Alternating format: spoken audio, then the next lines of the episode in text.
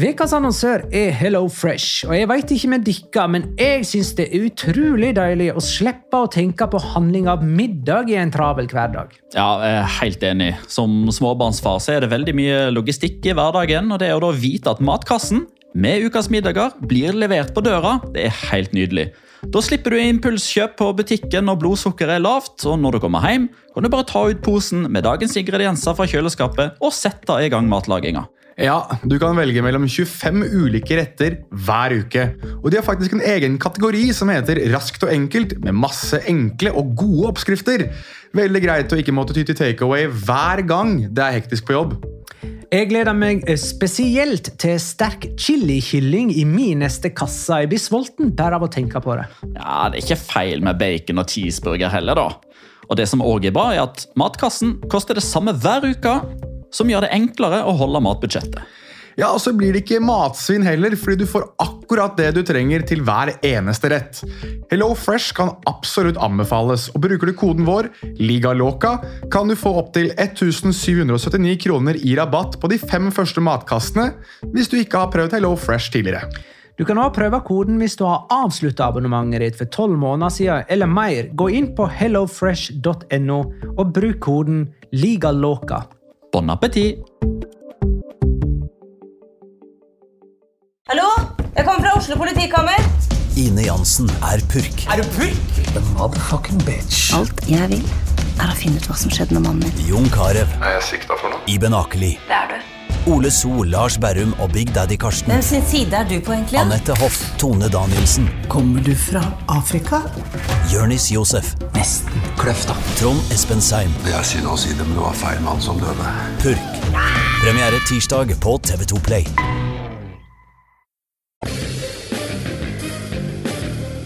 La liga loca. En litt gærnere fotball. Ja, ja, ja. Da er det på tide med en ny bonusepisode. Først for eh, patroner, men senere også for det glade folk i det glade land. Denne gangen er det med meg, Jonas Giæver i Oslo sentrum, hei. Og deg, Petter Wæland i Spydeborg, hei. God dag. Vanligvis så ville vi kanskje sagt at det sistemann her er Magna Kvalvik. Ehm, litt sånn som hver gang det er jeg som er programleder, Petter, så pleier det som regel å byttes ut uh, Magna Kvalvik med en eller annen som vi har hatt veldig lyst til å prate med veldig lenge. Og denne gangen så er det faktisk deg, Alexander Sørloth. Velkommen. God dag, god dag. Takk for det. Altså, aller først og fremst, jeg tenker at det er fryktelig dumt av oss. Altså, som, som gammel journalist så tenker jeg at her må jeg liksom starte med det første først. Og uh, vi fikk tilsendt av noen i, uh, i vår discord at, de, eh, at det sto både melding fra Petter Wæland i discorden at vi skulle intervjue Alexander Sørloth, og rett over så sto det fra TV2 push-melding 'Gladnyhet for Sørloth'. Eh, Så vi tenkte jo selvfølgelig med en gang at eh, jøss, er det så stort for Alexander Sørloth å prate med La Liga Loca? Men så skjønte vi at nei, det var faktisk at det er en liten en på vei. Gratulerer så mye med det. Tusen takk for det. Tusen takk for det. Åssen eh, åssen føles det? Nei, Det er helt magisk. altså. Jeg har jo hatt lyst på, på unge i mange mange år nå. Så har fruen drevet og studert og tatt master, så det har liksom ikke passa. Så mm, det ble jo perfekt timing når hun skal flytte over permanent til Spania. og Ja, det, det blir helt magisk. Rett og slett. Jeg har jo jeg har sett den eh, annonseringsvideoen på TikTok litt for mange ganger nå. Eh, den, den likte jeg veldig fint. Det, det er av to årsaker. For det første så kunne jeg, liksom, jeg kunne kjenne litt igjen den der med å få beskjeden. Eh, og så er det en veldig fin video. Men det er en fotballkamp i bakgrunnen. Eh, og siden da eh, så har jeg lurt på Var dette Newcastle-Aston Villa i seriepremieren? Korrekt. Yes. Helt Det korrekt. er viktig. Fordi Unai Emeri er jo plutselig en eh, veldig sentral del av eh, annonseringsvideoen her. Ja, han er det. Jeg satt jo, jeg satt jo ut, jeg var jo i bassenget, det var jo glovarmt ut 40 grader, og var i bassenget og kosa meg og så på fotball på, på TV-en der, og så plutselig så lå det en, eh, en graviditetstest ikke sant, på, det, på, det, på en stol der, og da ble Unai Emery plutselig med i den, den. Så det var litt artig. Jeg skulle til å si noe, Petter. Kommenterte du tilfeldigvis den kampen der, eller? Nei, det gjorde jeg ikke. Akkurat den hadde jeg ikke. Men jeg har hatt eh, stort sett alle andre Aston Villa-kamper. Som meg og Unai Emeri, vi er, vi er sånn akkurat nå. ja, det er godt å høre. Uh, jeg, jo, jeg må jo spørre da, Alex, med tanke på at det er en liten en på vei. og sånn, Det vil jo være naturlig, og igjen som gammel journalist altså Gøran Sørloth, Alexander Sørloth, skal neste, skal neste verdensborger inn på et landslag òg? Er det liksom sånn man er programforplikta til når man heter Sørloth i etternavn, eller? Vi får vente med kjønnet. Det skal vi ikke gå ut med ennå, så det venter vi litt med. Men uh, det ligger jo til, an til at det er gode gener, i hvert fall på plass. da, At det skal bli en tredjegenerasjons. Vi får se om det enten er jente eller gutt. Ja, det kan, jo, det kan, jo, være landslag uansett om det er jente eller gutt, tenker jeg. da. Det hadde jo vært gøy med en, en på kvinnelandslaget òg, for så vidt. Eh, det hadde jo vært... Så jeg, jeg, mener jo at eh, her vi diskriminerer jo ikke den ene eller den andre veien. Um, men, jo, men, det er jo gøy at du er inne på annonseringsvideoer, da, Petter. fordi eh, vi kan jo egentlig begynne litt i sommer da det kom eh, en annonseringsvideo sånn litt ut av det blå. Eh, det var ikke sånn, litt ut av det blå, det, det, det var altså ut av det blå, det. Ja, jeg er enig med deg i det. Og jeg vet jo eh, Jeg fikk Jeg satt i Albania for øvrig, mens vi er inne på glovarme steder, Aleksander. Og der du kanskje prøvde å kjøle deg ned med å sitte deg i noe som er vått, så tok vel jeg kanskje og kjørte det inn i kjeften, og det var kanskje litt høyere alkoholholdig forstandelse òg. Uh, jeg var litt sånn god i gassen da jeg fikk en melding fra uh, Petter der det sto noe sånn 'Har du sett det?' Og så er det sånn 'Nei'. Og så 'Ja, men da må du se det'. Og så skjønte jeg at jeg måtte på Twitter, og der var det da en høyreist trønder i noe vikingkostyme og via realdrakt. Altså, du, du, må jo ta oss igjennom det her. Altså, hvordan, hvordan ble du Viareal-spiller?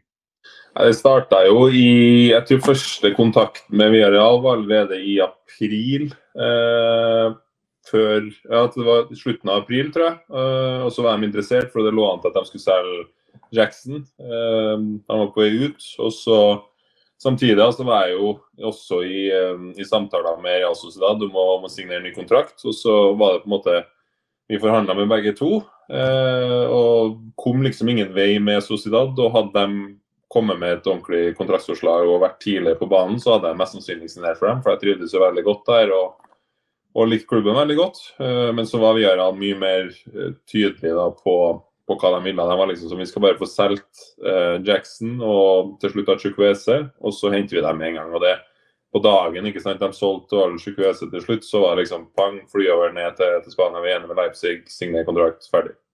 Så var, De var bare så sikre og de, alt det som de sa, da, for det kan jo være mye det blir, mye lov, altså det blir gitt ut mye lovnader i fotball, og vi skal gjøre sånn og sånn, og så går det ikke alltid etter planen. Men her gikk det liksom alltid. altså Med Villarreal, hele veien så var det etter planen. Så det, det likte jeg veldig godt.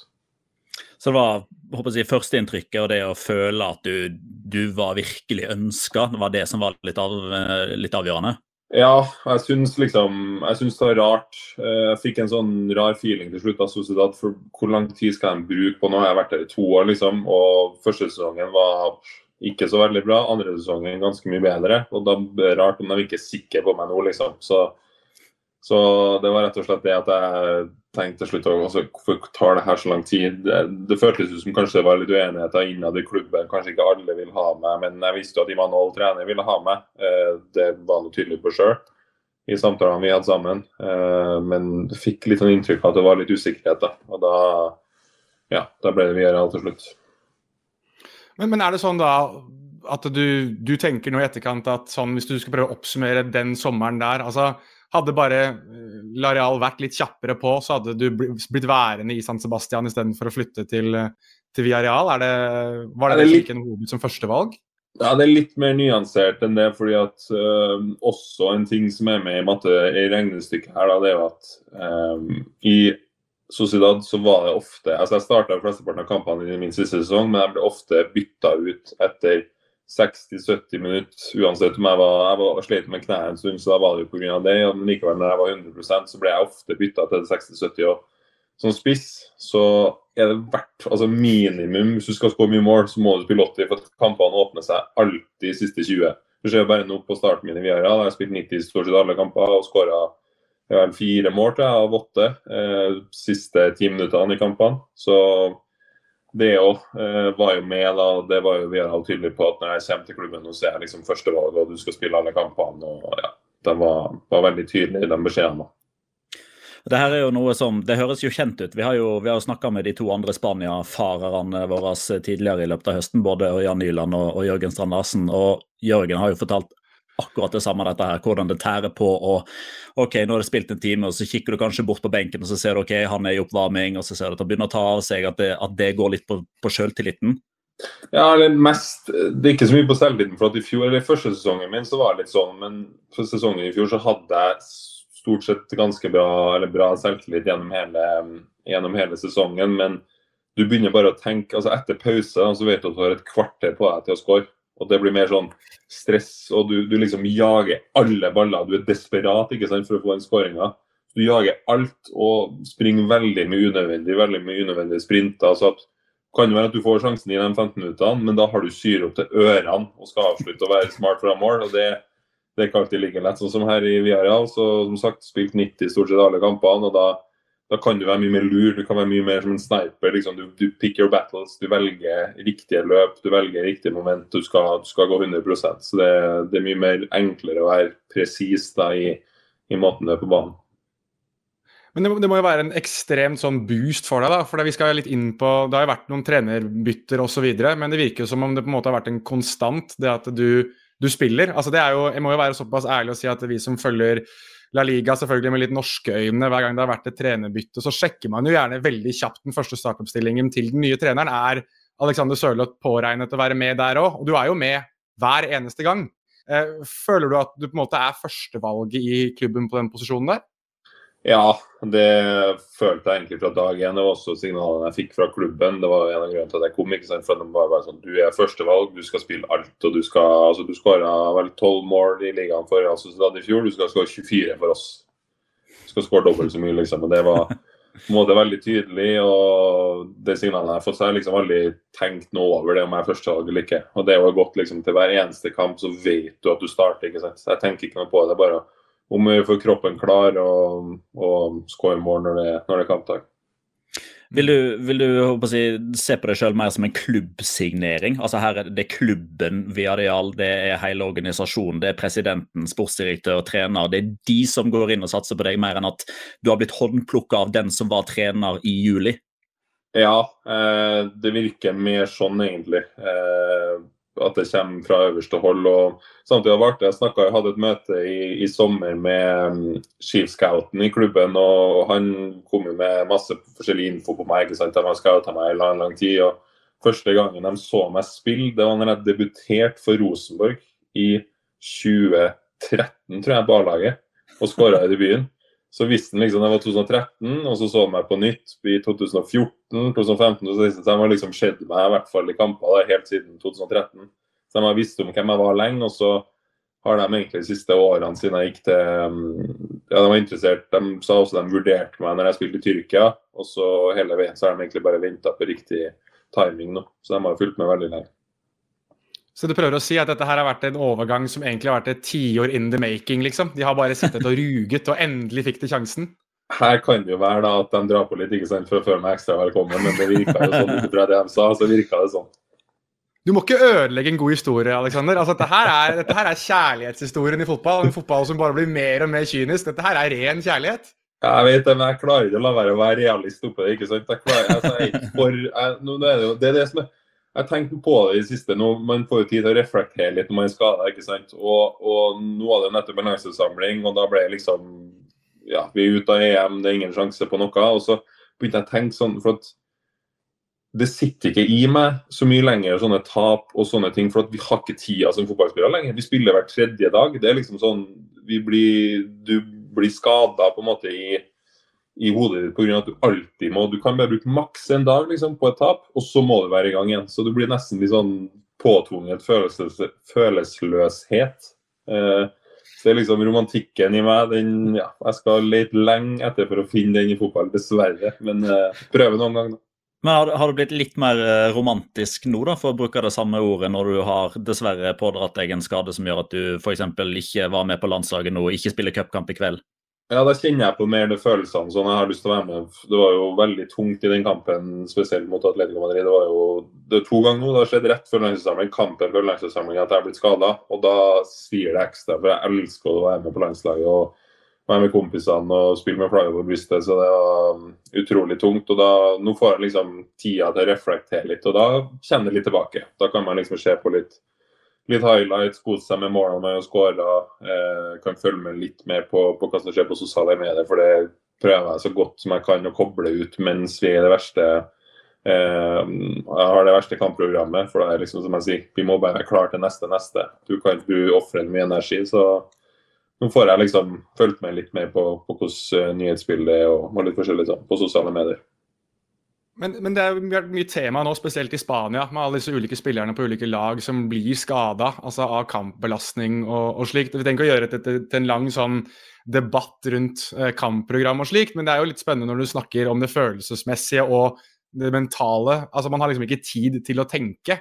Uh, for det er kamp, kamp, kamp, kamp, det er restitusjon, det er kamp, kamp, kamp. ikke sant? Altså Hvordan hvordan forholder du deg til det? Er det noe du anser som en positiv ting, eller syns du det er negativt at ikke du kan være mer følelsesmessig lada på de tingene der? Jeg tror nok det er kanskje ofte en frustrasjon hos fans nå, da, at spillere på en måte ikke viser så mye følelser lenger. og Det er jo sammenheng med flere. altså Det er jo var, ikke sant? Vi må, vi må vente med flere mål. Ofte du får ikke den rå følelsen av ting lenger. Det tar litt lengre tid. og som jeg sier, Det er jo kamper hele tida. Altså, det er liksom ofte i intervjusettinga altså etter kamp så har du nettopp tapt, og så vet du jo ikke om to dager så er det en ny kamp. Eh, du kan liksom ikke grave oss ned, vi kan ikke tillate oss det. Siste året under landslaget, jeg kan ikke fortelle hvor mange jeg har stått i pressesonen der og liksom Jeg har bare lyst til å gå bananas egentlig, for jeg er så forbanna. Men så vet jeg vi spiller mot uh, Spania to dager etter, så da må jeg liksom tone det ned. Og vi er nødt til å bare være sharp til neste kamp og gidde ikke å lage noen overskrifter og, og sånne ting. som jeg blir veldig bevisst. Så og så er det som jeg sier, Vi blir, må jo bare, vi blir nesten tvunget til å være maskiner. Altså Vi bare må komme oss videre. Vi kan ikke la oss uh, prege for mye av resultater og sånne ting. For det, det, er en ny kamp om, om to-tre to, dager. Følger du opp nett som vært sånn? fotball, er, jeg må, jeg, sorry, Petter. Jeg bare så, dette er kjempespennende. Jeg bare lurer veldig på altså Når du sier selv vi blir tvunget til å være maskiner, det er jo ekstremt interessant å høre. da, altså sånn slår du deg selv av følelsesmessig? Altså sånn Når du sier at 'jeg har lyst til å klikke i intervjusoner', 'jeg har lyst til å liksom, jeg har lyst til å grave meg ned etter, etter, dårlige kamper, men jeg vet at jeg har ikke tid. Jeg kan ikke. Altså er det Jeg vil jo tro at du, du forelsket deg jo i fotballen som liten pga. ting som dette, av de ekstreme toppene og fantastiske eh, båndene. Det må jo bare være, føles litt sånn meningsløst at det bare er helt borte? Ja, det er jo det, altså det er kanskje spesielt når noen snakker om det her, altså det er kanskje spesielt i forhold til tap. da, ikke sant, Også gleden ja. med å vinne. altså I garderoben, den er der selvfølgelig. Men det er liksom det jeg sier med tapene. det er liksom, det er jo, Man kan jo se det på en måte at det er positivt, for da rister man av seg det tidligere. Man bruker ikke tre-fire dager på det, så sånn sett er det positivt. Og så er det jo, Med seirene så er det jo en voldsom glede i garderoben med en gang. og så som sagt, der må Du liksom, du kan ikke dvele for mye over den gode prestasjonen heller, for du skal gjenskape den straks. Det er liksom, men jeg vet ikke hvor mye jeg skal, om det høres ut som jeg klager over det, eller hva jeg gjør, men det er jo der vi befinner oss, rett og slett. Altså, det blir jo bare flere og flere kamper for hvert eneste år. Fotball er en business. Det er jo grunnen til at altså, kampene vi spiller, og det som betaler lønna vår. Så jeg, liksom, jeg er litt delt. Jeg har sett at det er flere spillere som har gått ut i media ikke sant, og slakta at vi spiller som i kamper. Um, og så er det jo hvis man skal få gjort noe med det, så er jo helt avhengig av spillerne. Vi kan snakke så mye vi vil til våre ledere og, og sånne ting, forskjellige klubber, men det er penger det står om. Og da Hvis man skal få forandring på det, så er det nødt, nødt til å ha en streik. At flere store spillere de store klubbene går sammen. Og så må vi bare si ok, vi, vi spiller ikke nå for at vi må få færre kamper. Og så er det igjen, det, det er det som betaler lønna vår. Det er derfor vi har veldig veldig fine liv og få, få lov å leve det, økonomisk og, og, alt. Så det er litt sånn todelt. Men akkurat dette her med, med mental helse og sånn, det snakkes det jo mer og mer om. Er dette òg noe som man har fokus på innad i klubb og landslag, eller er det noen spillere her og der som reagerer, men sånn rent over så Nei, det snakker vi ikke om, det er tabu. Jeg tror det ikke Altså, de klubbene jeg har vært i det siste, så, eller i Spania, da, i hvert fall i Sociedad Vera, så har det ikke vært snakka så mye om. Men jeg tror det, det meste handler om jeg tror, Sånn som f.eks. som jeg, da, hvis en spiller hadde en dårlig kamp eller bomma på en stor sjanse, men du ser at han har gitt 100 så er alltid jeg nøye da, med å liksom gå bort til den spilleren og, og prøve å komme med en skulder. Ikke, ikke, si noe spesielt, men bare så at kjenner at jeg er der. for Det er ofte at du føler hvis du, hvis du bommer på en stor sjanse, så er alle, alle ser på deg, alle øynene er på deg, men ingen som kommer og sier noe.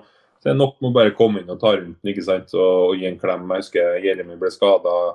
Det var en kamp her hvis mot Las Palmas og var veldig veldig nedfor. og Da er liksom bort og bare kjenne at uh, kroppskontakt, rett og slett. Kjenne at det er noen som bryr seg, og så, og så går man videre. Så, um, men samtidig er jeg litt av den eh, moten at det er mye opp til deg sjøl hva du gjør med det. Altså, du kan du kan klage på, på, ting som er rundt deg, at du blir påvirka, men som fotballspiller så er du liksom, du er nødt til å bli flink til å ta ansvar over egen happiness deg sjøl.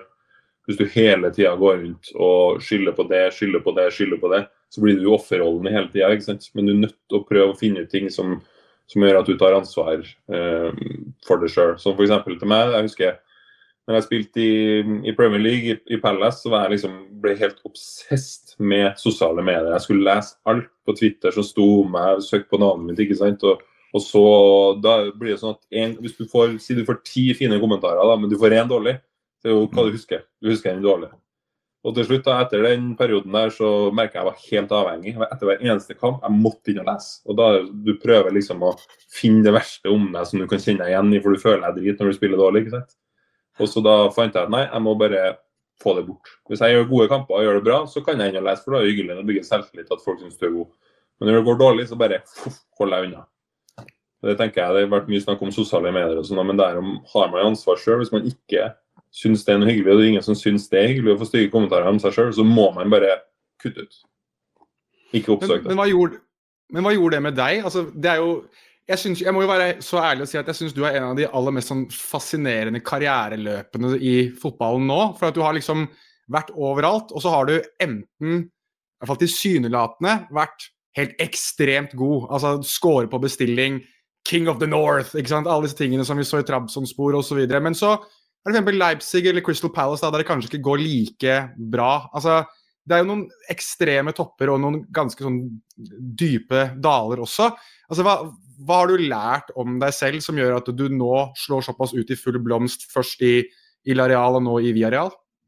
Um, jeg husker det jo tilbake til Palace-tida der jeg kanskje var i min dypeste dal. for det var, Plutselig så fikk jeg masse oppmerksomhet fra omgivelsene. ikke sant? Vi spilte Premier League, og du vet jo hvordan det er i Norge. Det er jo Premier League som, som får spalteplassen. Det er størst. Oh, yes. uh, og da, som sagt, jeg var inne i en sånn ond spiral der jeg skulle lese alt hva som sto om meg. og push-varsel på telefonen. sant? Hvis jeg hadde det, kunne være at jeg hadde blitt avdribla som spiss. Blitt avdribla. Så var det klipp på TV 2. liksom. Jeg ser Sørloth bli avdriblet. Eh, det var på det nivået der. Og da bare Nei, jeg må slutte med det. Og så til slutt så følte jeg meg bare som en dårlig fotballspiller. Og så gikk jeg på utlån til Gent. Og da var det bare å få på seg en ny drakt. Og første treningskampen Jeg tror jeg var to treninger med klubben, og så spilte vi treningskamp og skåra to mål med en gang. Og touchen satt, farta var der plutselig tilbake. Alt. Det var bare et lite sceneskifte, og ting var tilbake. Og da skjønte jeg med meg selv at altså, det har kun med det som sitter oppi hodet. Ingenting annet. Det er bare det som sitter i pappen. Og da fikk jeg på en måte en sånn selvtillit med hvor god jeg er til å spille fotball. altså Det har ikke noe med det å gjøre, det har noe med det som sitter oppi hodet. Og da videre så var det jo Jeg gikk jo til Trapsen etter det, og der gikk det jo veldig veldig bra. Og i Leipzig så var det rett og slett fordi at jeg ikke spilte. Altså jeg spilte, spilte ikke fast. Jeg fikk noen sporadiske kamper fra start her og der. Jeg hadde to gode perioder, men var plutselig uten noe forklaring på benken igjen. Jeg husker jeg hadde fem målpoeng på tre kamper, og så, da var jeg sikker på at nå er jeg benkers på laget. Spiss fem, mål, fem målpoeng på tre kamper.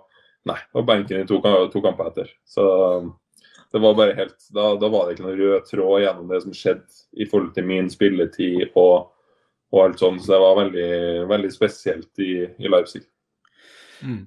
tenker dette, nå, nå, har det vært altså det, Norge, England, Danmark, Belgia, Tyskland, Tyrkia, Spania.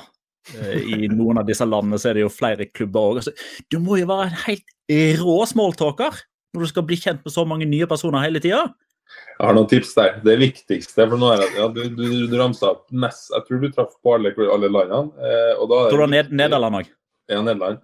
Da er det viktig første dagen som ny, så må du møte opp tidlig. For da, da setter du frokostbordet der alle sammen samles før trening. Og istedenfor at hvis du kommer sist, så må du gå runden og hilse og kjøre smalltalken, og du må ta initiativ, så kommer de bort til deg. Og da er det nok med å si hei. Så det er en liten sånn hack der, det har jeg lært meg.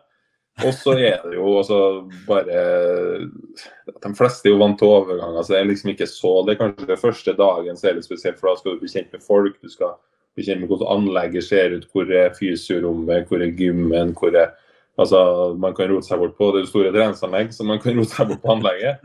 Og så kommer man liksom inn i rytmen, og det er det viktigste er egentlig bare at du er, du er litt sånn første uka kanskje så er du litt observant. altså du, du, følger mest med på hva som skjer, og så begynner du å finne ut ok, han er sånn, han er sånn, og så tar du det steg for steg og blir kjent med folk. Yes. Så der, der, har vi, der, har du det, Petter. altså Når vi skal ha disse ja, ja, småtalkrundene våre ja, ja, men når vi skal ha småtalkrundene våre tidlig også, så det er noe av de tingene vi kan implementere. Kanskje vi skal begynne å komme litt tidligere for innspilling og litt sånn. Så slipper vi å, å ha sånne kleine seanser om hva vi egentlig skal snakke om. Um, men, men, det er jo litt moro at du er inne på det. fordi altså, Hvem er den første til å komme og hilse på deg når du kommer til Viareal? Altså, hvem er det som er garderobelederen? Altså, da vi snakket med Ørjan, så var det da uh, Rakitic, det var uh, Ramos, det var Jesus Navas. I, i, hos uh, Jørgen i, i, Vigo så var det åpenbart Jago Aspas. Altså, hvem er det som er den lederen hos dere i Viareal? Eh, vi har flere. Uh, I det er ingen som skiller seg ut, men vi har jo vi har en del eldre på laget. Så har du Pepe Reina, Olav Biol og Dani Parejo. Uh, den trioen er vel kanskje de mest rutinerte og, og spanjoler i tillegg. Så, så de var en av de første jeg hilste på. Uh, og så eh, Første jeg møtte, var faktisk Juan Foyt. For vi, det var litt artig, for vi har hatt mange fighter de to foregående årene. Vi har ofte spilt, jeg spilte litt venstre spiss i, i um, Real Sociedad. og Da var Juan Foyt eh, enten høyre stopper eller høyre back, så jeg var ofte i dueller med han, og vi hadde noen ordentlige fighter. så da møtte vi han, og da, eller da møtte jeg han, og da sa han med en gang bare endelig skal vi spille sammen, slipper jeg å slåss med deg. Så det var, det var hyggelig, hyggelig å møte med han. Ja, bra. Eh, nå, nå, har jo vi dette inntrykket her bare sånn sett utenfra, da. Men um, er Etienne Capo like kul som han framstår som eh, via sosiale medier ansvarlig i Viareal? Ja, han er artig. Han uh, liker jeg godt. Vi, vi, prater mye sammen. og Det skjer litt sånn organisk. Vi prater ikke så mye i starten, og så har vi på en måte funnet hverandre mer og mer etter hvert. Litt sånn litt galgenhumor. Det kommer meldinger, og, det liker jeg veldig godt, som er fra, fra Trøndelag og vokste opp med Rosenborg. Det ligger, ligger, bare i kroppen. Altså, Det skal komme meldinger. Ikke, ikke snakk for mye seriøst om ting. Det skal holdes lett og ledig, og, og meldingene skal fly. Så du prøver å si at Etian Kapo hadde passet godt inn på brakka, liksom? Ja, det hadde han. skrev rett inn på brakka. Det spørs om trønderengelsken holder, men uh, han skulle ha skrevet godt inn der. Det er godt å høre. Uh, jeg må nesten ta det, da, Petter. Altså, sånn, vi har jo hatt en tradisjon i den podkasten hver gang vi intervjuer noen, at det er enten noen som uh, har fått ny trener for sesongen, akkurat har mistet treneren sin, eller i ditt tilfelle nå har fått ny trener. Det er alltid mm. noe med disse trenerne hver eneste gang vi skal prate med dere. Um, altså, du, du, har jo hatt noen, noen, typer her, da. Altså, vi har jo selv snakket om Kike Setien som en slags filosofiker som er glad i kuer. Uh, vi har hatt Pacheta som ser ut som en sinna, sinna musikklærer. Og nå er liksom vi kjent med at Marcelino er liksom en sånn uh, general som passer på det absolutt meste når det kommer til fysisk forfatning. Eh, hva er dine inntrykk av det som er tre ganske karikerte La Liga-kjenninger? Eh, Setien var veldig rolig og kategorisk. Det var ikke mye, altså det var ikke noe mye følelsesregister. Han var stort sett flat. Eh, jeg så han bare forbanna en gang. Det var da vi fikk rødt kort borte mot Kadis, var det vel. Eh, da fikk han rødt kort etter, etter kampen. Det var underveis i kampen. Nei, Det var Pedraza det som lot seg uh, irritere ja. over Ivan Alejo. Han gjorde oss alle en tjeneste ved å gi han en liten Ja, ikke sant. Ja, han var dratetryne de luxe, han der. Ja. Så, eh, men ja, da, Han var den enkleste treneren jeg hadde så langt i spansken. For den spansken min begynner å bli bra nå, men han snakka veldig sakte. Så det var sånn ord for ord så kunne jeg ta Altså, det var, var veldig lett. Eh, og så ja, jeg likte måten han ville spille fotball på, likte jeg. Men jeg savna litt den der motivasjonen og liksom at han kunne motivere troppen og være litt mer eh, engasjert. da. Han ble litt for flat, tror jeg, for den troppen, for den troppen vi har. Og så, så har du Pacheta som ja, eh, jeg tror ikke han fikk gjennom ideene sine helt på samme vanskelige arbeidsvilkår. Kom inn, kom inn der og og ja, det er jo resultatbasert. Uh, jeg vil ikke på en måte sag for mye i to, men uh, ja, han fikk det vanskelig. Du merka at han, han ble ganske stressa til slutt, for at han, han merka at jobben sin hang i en tynn tråd, tror jeg. Uh, og da er det ikke noe gode arbeidsvilkår for en trener. Da, da er du liksom avhengig av ja, hvert eneste poeng og det eneste du tenker på. Så det ble liksom mer og mer kynisk. Det ble mer og mer bort fra hvordan vi skulle spille, og mer og mer bare at vi må vinne, vi må vinne, vi må vinne. Eh, så det var ikke så mye fotball til slutt. Og Marcelino har jeg nesten ikke inntrykk av, for jeg har jo bare møtt den Vi hadde ett møte som jeg var med på, ellers er jeg bare i gymmen og gjør rehab. Så jeg har ikke vært mye på trening og sett der. Og det med vekt og fettprosent og sånn har ikke jeg merka noe. Eller vi tok vel vekt eller vekta tar vi hver dag. Fettprosenten har vi tatt allerede, men jeg har ikke hørt den, så da er jeg vel good. Jeg regner med hvis du, det, det, er først når du får høre noe at du er i trøbbel, så jeg tror jeg skal være, skal være good. Det handler vel om at hvis du, hvis du tar eh, altså hvis han, Når han kommer i gang, så tipper jeg at han kommer til å begynne å spørre om det. Det er jo det man har fått høre om han, at eh, det er når det begynner å gå, det er da Marcelino skal passe på at man vedlikeholder den formen man er i. Og når han ser deg i gymmen på morgenen, du, så vet han jo at her går det i hvert fall ikke ned. Så uh, jeg regner vel med at det er kanskje der motivasjonen hans ligger. Men, men um, når du er inne på sånne trenere som kommer til å bli utvist og sånn, det er bare å glede seg. Altså, du kommer til å ha Det er uh, han eller hans assistent, du har sikkert møtt Ruben Oria også, han kommer også til å bli utvist. Uh, kanskje han mer enn Marcelino, faktisk. de ser ut som sindige, rolige, litt sånn aldrende mannfolk. Nei da. Bare gled deg, du. Det kommer til å smelle i alle vegger og alle kanter når, det, når uh, ting begynner å gå imot ham. Engasjement liker vi. Ja, ja. der, der, er nok eh, Altså, han er, han er, en fagmann som Kike setter igjen, men han har et brennende engasjement òg. Det var vel det var du som nevnte det i forrige episode, Jonas. Marcelino han har jo, han har jo feira på seg strekk. Altså, han har jo han har jo tatt en Jørgen Klopp. altså Han har jo vært på vei ut på banen i full frisprang, og så napper det til i, i hamstringen. ja, det er artig. Jeg tror faktisk, når jeg tenker meg om Jeg har jo sett Marcelino trene Valencia mot Villarreal. Og den kampen så jeg sammen med Magna Kvalvik da var på sånn tur med, med La Liga. Og der husker jeg at han, han står jo ute på banen eh, veldig ofte. Altså Han løper jo ut på banen. Han driter jo i at det eksisterer teknisk sone, han. Eh, og han ble liksom husja tilbake gang etter gang av fjerdedommer. Og da er han som et sånt lite barn som jogger sånn eh, Nei, nei, du får ikke tak i meg. Når han løper tilbake igjen til, til, benken. Ja, men det er helt, Du kommer til å legge merke til det. Altså, Det er uh, veldig fascinerende å se på. Så jeg, liksom, hvis du har lyst på en trener med, som motiverer veldig, og som kommer til å hule og skrike litt og slå litt i veggene, så har du i hvert fall fått, fått riktig trener nå. Um, men har, sånn... har Marcelino snakka noe om, eh, om, Bare for å fortsette på Marcelino nå. altså Sesongstarten har jo vært så der, spesielt på hjemmebane. så er jo, altså Viareal har jo ikke vært til å kjenne igjen.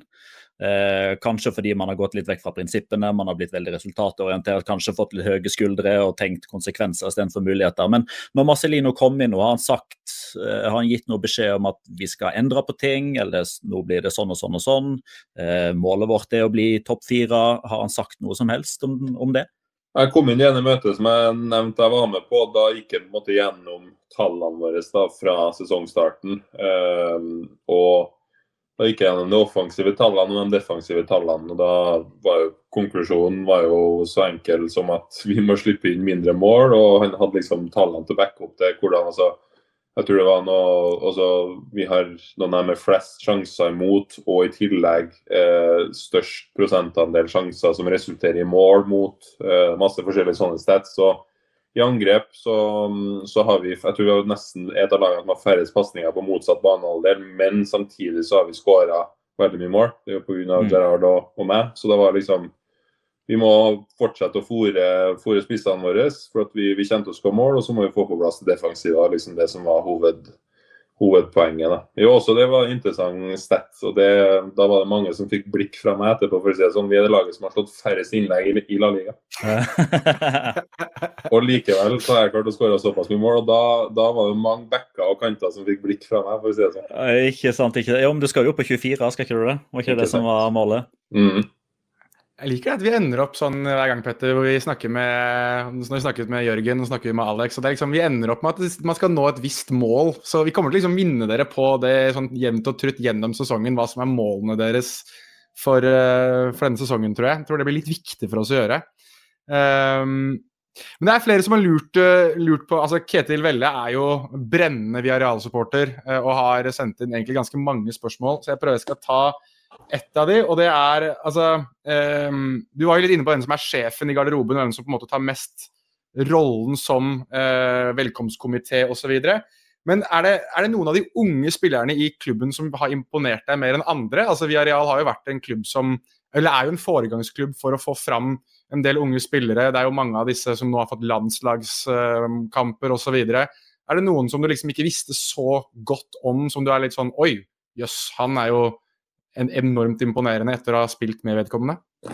Ja, Det er jo vanskelig på en måte å si, for vi, nå har vi gjort det ganske dårlig. ikke sant? Det jo akkurat nå så er det litt vanskelig å si, Men etter de første fem-seks kampene, kanskje ja, fem kampene, så syns jeg Alex Baena overraska meg veldig. Eh, han hadde jeg hørt ingenting om. Jeg vet ikke om han hadde spilt så mye forrige sesong heller, eh, i konkurranse med flere gode vinger. Men han, han syns jeg var veldig veldig god. Og så har vi laget slitt, så på en måte dabba, dabba litt ned. Men han har stort potensial. Veldig god innleggsfot, uh, skuddfot.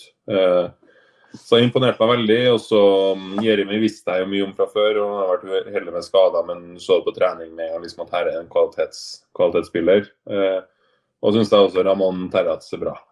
god touch, veldig stort potensial til å til å bli veldig veldig god. Men her igjen, det er jo veldig konkurranse på midtbanen vår. Jeg er spent å se hvordan Marcelinho hvordan foretrukket um, hvem som blir foretrukne under her. Han har jo i alle fall tradisjonelt sett vært veldig 4-4-2.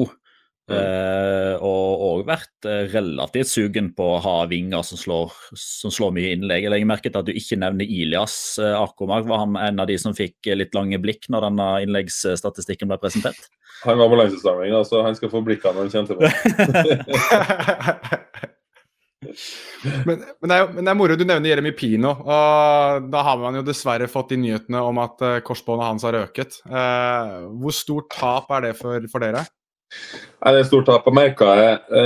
Han har jo vært uheldig med skader i sesonginnledninga, men jeg merka at det var forskjell på han nå til treningsuka inngangen før Atletico-kampen. Da var han helt annen. Da så du at han hadde liksom steget tilbake og teknikken satt. og Han var i hodet sitt og positiv, veldig, veldig positiv på trening. Eh, så veldig dårlig timing, for han, han har jo potensial som er skyhøyt. Eh, ikke bare en god Det som overraska meg med han, det er jo hvor god han er defensivt også. Han er så arrig og aggressiv i det defensive. og Det er jo veldig viktig hvis du kan til 4-4-2, for da kan du ikke jukse for mye. ikke sant? Du er en del av midtbanen firer.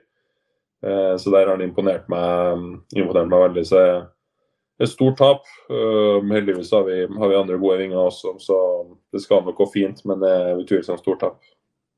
Mm. Hvor, hvor, fotballinteressert er du? sånn, altså Hvis du ikke hadde blitt profesjonell fotballspiller, hadde du vært en fotballidiot som hadde gått på fotballkamper? Sett, altså Ser du mye fotball til vanlig, eller har du, har du rett og slett ikke tid til det? Må du bare utelukkende fokusere på det du skal gjøre?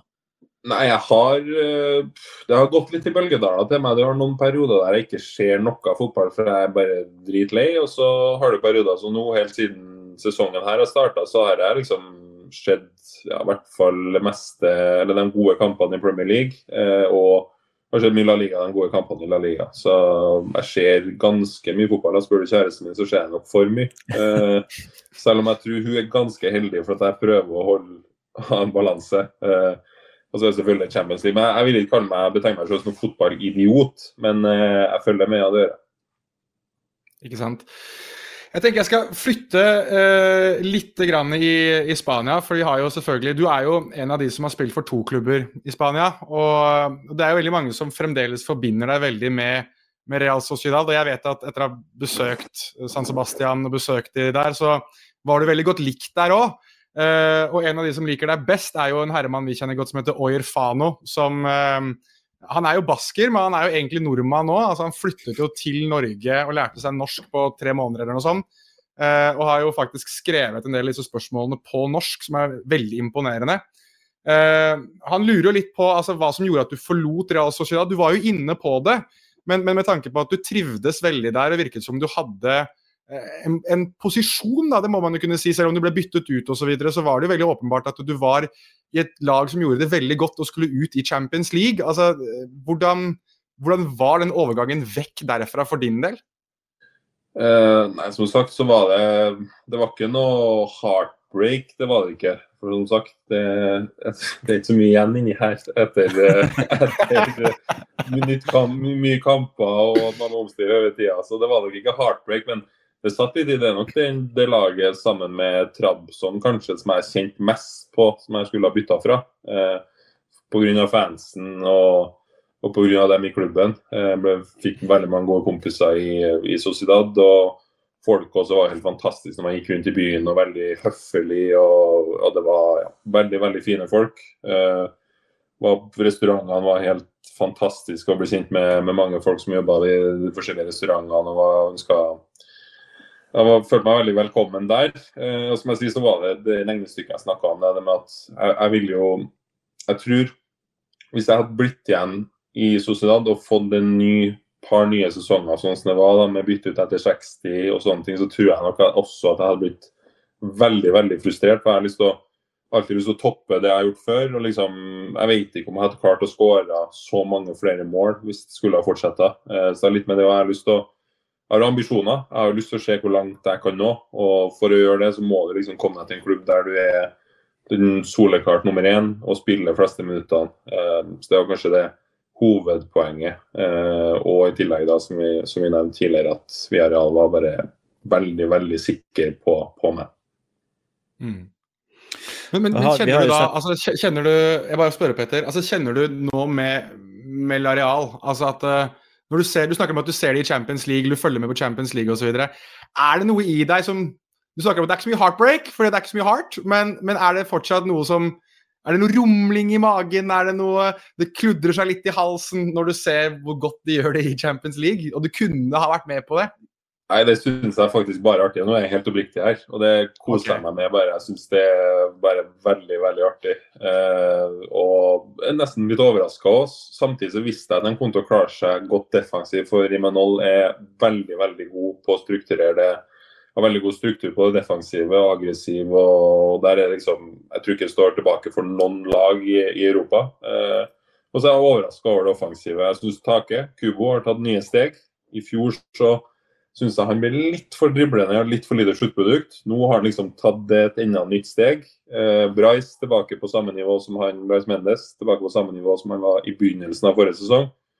Eh, og så har jo Mikkel Aresaval kommet, endelig kommet tilbake i, i godt gammelt slag etter kneskaden. Så det, liksom det offensive har overraska meg mest, egentlig, at de, at de, spesielt i Champions League, at de har vært så gode der. Det, det er artig å se. Og hvor, og hvor, populær du var Alexander, på Real Arena, det har jo faktisk Jonas eh, fortalt oss om i en, eh, en podkastepisode tidligere. Kan ikke du dra den storyen en gang til, Jonas? Ja, den er jo OK. Det er jo en jævlig flau historie, det her, da. Men eh, jeg skal ta den. Det går helt fint. Jeg var jo, eh, som jeg var inne på i stad, jeg var jo og så deg da du spilte mot uh, Atletic Club. Åpenbart at du og Takikobo scora. Ja. Og eh, altså, jeg skulle være da den norske representanten her. Og vi hadde jo også en fra Japan. Eh, så vi var liksom det var, Da du og Taki starta sammen, så ble det en greie for disse folka fra La Liga. da, At det var supergøy. Um, og greia her er jo det at De La Liga gjør, og det, jeg driter litt i om de får vite om det her, men det de gjør, er jo det at de tar jo deg med inn i sånn hospitality. Og de, de Spanjoler er jo dette vet jo du også, de er veldig gjestfrie. De vil at du skal smake på mat, de vil at du skal uh, smake på drikke osv. Og, så og altså Smakte på alt, da. Og noe av det gikk mer til huet enn en andre ting. Så jeg var liksom litt sånn Jeg var ikke, jeg ikke brusa, men jeg kjente at jeg hadde drukket et par. Og så, eh, Dette gjentar seg jo også i pausen, da, selvfølgelig. Og Du er jo inne på at du byttes ut, for det gjorde du jo her. Men det var vel en skade i den situasjonen, hvis jeg ikke husker helt feil. Og det, det, må jeg si, altså det er ganske massivt å høre hele kortsida på Anueta skrike sølo, sølo, når du går av. Og det som skjer, da og dette her er jo, og Jeg vet at dette her eksisterer det faktisk et sånn halvveis videobevis av. Det er da en nordmann som reiser seg opp på langsiden fordi tre av La Ligas representanter dytter meg opp og hyler ut vi er jævlig stolte av deg, Alex! Og det er eh, da meg. Og det som så skjer, er at eh, det er et blikk, og muligens et blunk eller et eller annet sånt noe, fra deg mot der vi er. Jeg vet ikke om du engang vet at det er jeg som gjør det, men eh, det tilta i hvert fall greit for alle disse La Liga-representantene om at jeg hadde da skreket noe på norsk og hadde fått en form for respons på Anueta med masse hylende supportere. Jeg, hadde jeg litt sånn tilnærming til fylleangst dagen derpå? Ja, det hadde jeg. Hadde jeg gjort det? igjen? Det er jo bare hyggelig. Ja, men samtidig så er liksom Du er der for å representere. Du skal liksom være litt sånn cordial, litt ordentlig. Men der eh, Litt sånn ut av deg sjæl-opplevelse, da. Eh, Ja, ja. Veldig hyggelig. Veldig hyggelig at du eh, anerkjente det at du kanskje hørte noe norsk, eller eventuelt hørte noe skriking. Eh, så jeg setter pris på det. Du fikk meg ikke til å se ut som totalt, eh, totalt idiot. For det er eh, vanskelig noen gang vet du, når det ropes, for at eh, det er jo ofte et hav av mennesker ikke sant, som prøver å identifisere altså, hvor de er. Men det kan være vanskelig noen gang å høre hvor lyden kommer fra. Men jeg syns jeg husker en situasjon der òg, og da syns jeg husker at jeg så deg og nikka. liksom Du fikk et anerkjennende nikk fra meg. Det er jeg ganske sikker på, på det som skjedde. Det eksisterer video av det, og jeg vet at det er et anerkjennende nikk i den retning. Eh, det som så skjedde Dette her er jo på en måte eh, the after story. Eh, det de egentlig ville at jeg skulle gjøre, var at jeg skulle stå og ule og skrike om jeg kunne få drakta di på vei av banen. Og Petter vet veldig godt at er det én ting jeg ikke kan fordra, så er det disse barna som kommer hvor det står sånn Can I have your shirt? Opp? Altså, få det vekk. Jeg, sorry, jeg skjønner at man er på kamp og man syns det hadde vært kult å få drakta til en spiller. Men du drar jo ikke på kamp for å få drakt. Du drar jo på kamp, og hvis du tilfeldigvis får en drakt, så er jo det koselig. Så eh, jeg hadde ikke noe sånn noe dette, dette vil jeg få høre hva du mener om, for veldig, du som er spiller, må jo oppleve dette her tusen ganger. Jeg vet ikke når det skjedde, det med draktene. Altså, det, det har blitt en sånn boom de siste årene. At det er liksom det eneste som blir spurt om.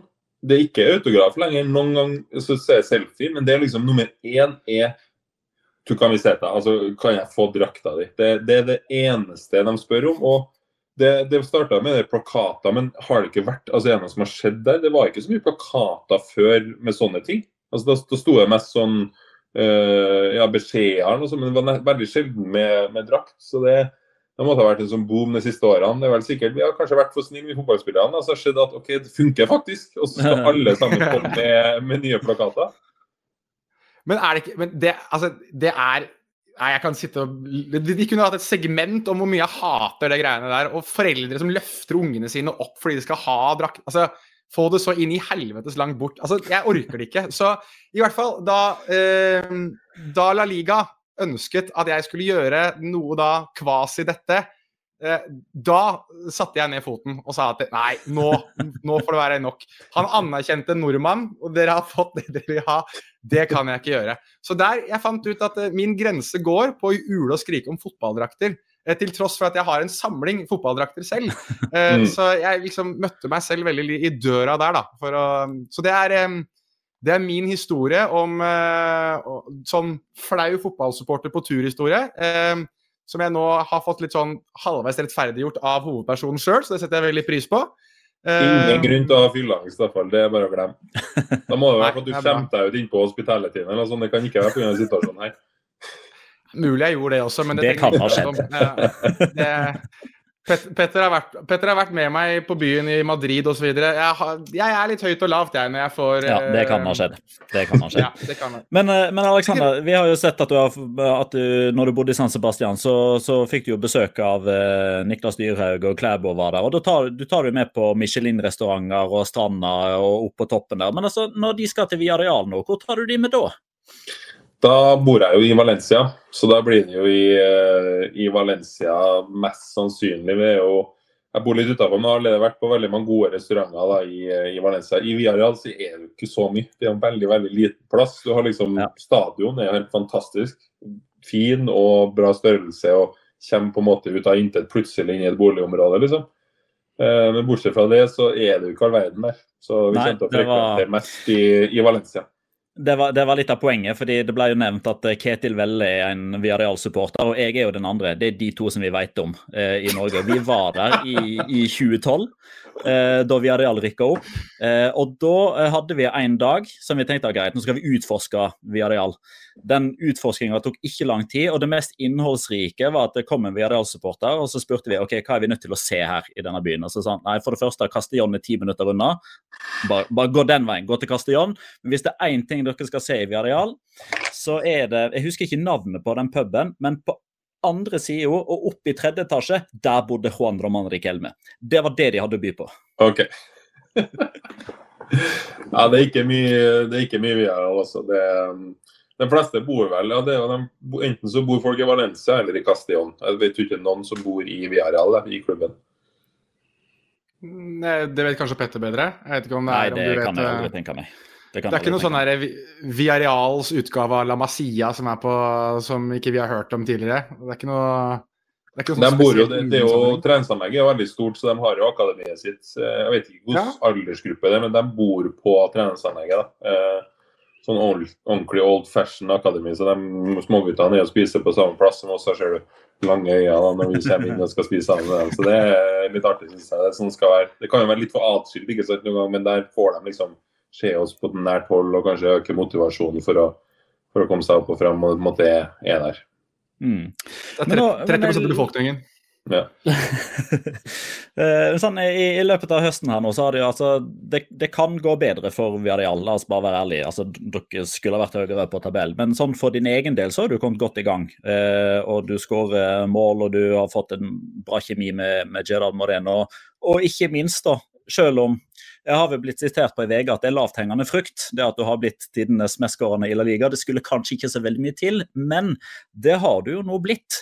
Men så er jo liksom spørsmålet, for jeg er jo ekstremt eh, opptatt av statistikk eh, og likhet for loven, og det har ikke noe å si om man skal vurdere om dette er en scoring av Zlatan eller Alexander Sørloth eller Ektor Font. Det er de samme reglene som gjelder. Det at noen har deg på 21 mål i La Liga, mens andre har deg på 22 eh, på bakgrunn av dette muligens sjølmålet borte mot Elche. Eh, hvor opptatt er du av sånt? Dette her med, med hva er sjølmål, hva er din scoring? Jeg er akkurat i en samme situasjon på eh, landslaget med, med et mål. Så enten noen plasser står det at jeg er 18, og noen står det at jeg er 17 på landslaget. og Det er akkurat samme der. Men da tenker jeg sånn, jeg har fortsatt forhåpentligvis ti år igjen av karrieren, så det skal ikke ha noen betydning. Jeg skal komme på et såpass bra antall mål til slutt at det målet er helt ubetydelig. Så det er sånn jeg tenker om det. Det, det får bare være. Det får du det, Petter. Lewandowski-argumentet ditt går rett i dass med en eneste gang der. Han tenker Ja, ikke på det der det er- ene målet, han heller. Har du fått Nei, med deg det, nei det, gjør, det gjør ikke Venicius heller. altså. Har du fått, Nei, med, har du fått med Altså, OK, jeg må ta Petter Wæland har en pet peeve med at uh, Altså én scoring her og én scoring der, sånn f.eks. hvis uh, Lewandowski Hvor mange var det han sto på til slutt, Petter? Var det 24 han fikk offisielt kreditert, mens du mener at det er 23? Ja. Ja. Det, dette her, Alex, dette er sånn som han sitter og uler og skriker om i sesong etter sesong. Jeg husker sesongen det, er, altså, det er ingen som husker de greiene forutenom deg. Det er kun deg. Nei, Men det, men det som jeg, nei, men for, å, for å ta bakhistorien her, da. meg og Jonas var på Santiago Bernabeu eh, for ja, det blir vel fire år siden, da Venicius junior da visstnok skåra sitt første mål for eh, Real Madrid mot Valladolid. Vi satt da ringside og så jo dette skuddet som Altså, Det hadde ikke gått over dørlinja engang. Det hadde gått til kast på motsatt side, men det tar innom en Valladolid-spiller og, og ender opp i mål. Og Dette her har jo nå da Real Madrid i fire år snakka om at ah, den første skåringa til Venicius mot Valladolid det er altså et skudd som hadde gått til kast. Og, og Det er litt derfor jeg er liksom opptatt av eh, hva er skåring og hva er sjølmål. Men heldigvis, du er tidenes norske målskårer i La Liga, og den kommer du bare til å øke, med mindre Jørgen Strand Larsen klarer å holde seg på riktig side av offside-linja. Da, da kan det hende at du får litt konkurranse. Gjerne ønsker gjerne konkurranse for å pushe i hverandre. ikke sant? Og det, jeg har jo nesten det, jeg vet jo om du har statistikk på det. Det er litt overraskende at du ikke har sett, for jeg innbiller meg at jeg tror jeg har skåra hver en... Altså Hvis Jørgen har spilt på lørdag, og jeg har spilt på søndag, så har jeg skåra hver eneste gang han har skåra. Så du har har fulgt opp Jeg tror hver eneste gang Jørgen har skåra, så har jeg skåra rett etterpå. Hvis han har spilt før meg. Det tror jeg i fjor også. Det innbiller jeg meg i forrige sesong også. At eh, det må være noe statistikk på det. Og det, det må du gjerne sjekke opp. For det er i hvert fall jo Jeg, vet det mange ganger at det har skjedd. jeg kan, jo, jeg kan jo komme med et tilfelle der, der det her skjedde. Jeg vet jo at det her skjedde én gang, fordi fredagen var deadline day, altså at det var da siste overgangs eh, 31. august, og så spilte enten Jeg tror Jørgen spilte da påfølgende lørdag, og du spilte søndag. Og Nei, vet du hvem som var ute Er det omvendt? Dette er, det, dette er 1. september. Da skåra eh, du, Alexander, det første målet mot Cádiz. Eh, og litt seinere på kvelden så skåra Jørgen mot Almeria. Mhm.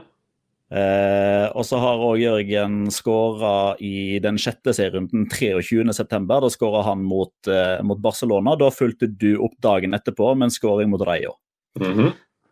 Eh, og så har du den tredje goalen til Jørgen. Det var i niende serierunde. Eh, det er vel da kanskje unntaket som bekrefter regelen, ja. Eh, og så har Jørgen òg en goal nå mot Atletic, og da eh, fulgte du opp med en Ja, vi kaller det en målgivende da til Gerard Moreno dagen etterpå. Så Ja. eh, det, det, jeg, jeg går god for den statistikken der, for vi, vi må òg ha noen unntak som bekrefter regelen. Og Ja. regelen er her da at når Jørgen skårer, så har du enten gjort det rett før eller rett etter. Jeg tror, eh, man, man, Hvis dere tar til neste episode, hvis dere husker på denne statistikken, så må sjekke fjorårssesongen også. for jeg innbiller meg, Det er mulig at minnet mitt er, er annerledes, men jeg innbiller meg at det skjedde flere ganger der og at han skåra. Og så tenkte jeg nei, nå må jeg òg sette den. Og da fulgte jeg dagen etter.